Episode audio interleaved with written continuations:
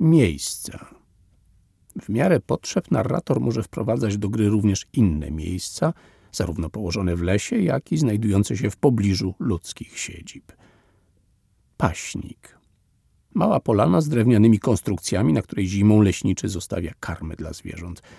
Teren wokół jest mocno wydeptany, można znaleźć tropy jeleni, saren, łosi czy dzików. Popularność tego miejsca ułatwia znalezienie dużego zwierzęcia. Śledzenie konkretnego tropu pośród innych może być trudne. Panuje tam duży ruch, gwar i wymiana plotek. Leśniczy przywozi tam jabłka, marchewki, wiesza kukurydzę i słoninę, rozsypuje ziarna i skorupki jaj oraz montuje solną lizawkę. Stary dąb. Olbrzymi, gruby dąb z mnóstwem korzeni i gałęzi, pośród których kiedyś mieszkały zwierzęta. Ktoś jednak sprawił, że uciekły, a smutne drzewo powoli obumiera. Żyła tam kiedyś krasnoludkowa znachorka, która zbierała zioła, leczyła zwierzątka i kochała drzewo. Zabrakło jej i przytulna chatka w samym sercu dębu jest cicha i pusta. Teraz brakuje kogoś, kto zaopiekowałby się drzewem i zwierzętami, ale najpierw należałoby wygnać intruza. Labirynt paproci.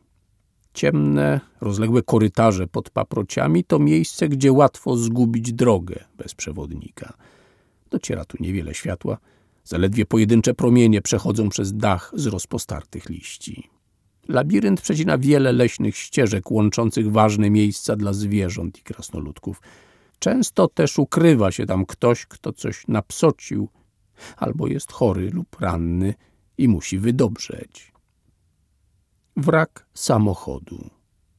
Porzucony lata temu samochód, któremu wybito okna, usunięto część opon, stłuczono lampy i lusterka. Ma dużo wgnieceń, otwarty bagażnik i ogołocony silnik.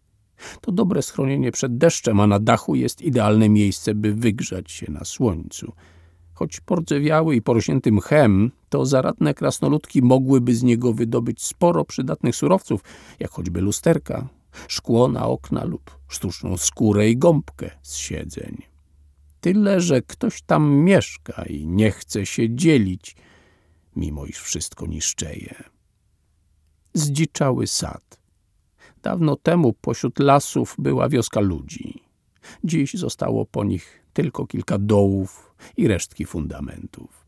Las zaciera ślady po dawnych mieszkańcach, ale drzewa owocowe przetrwały.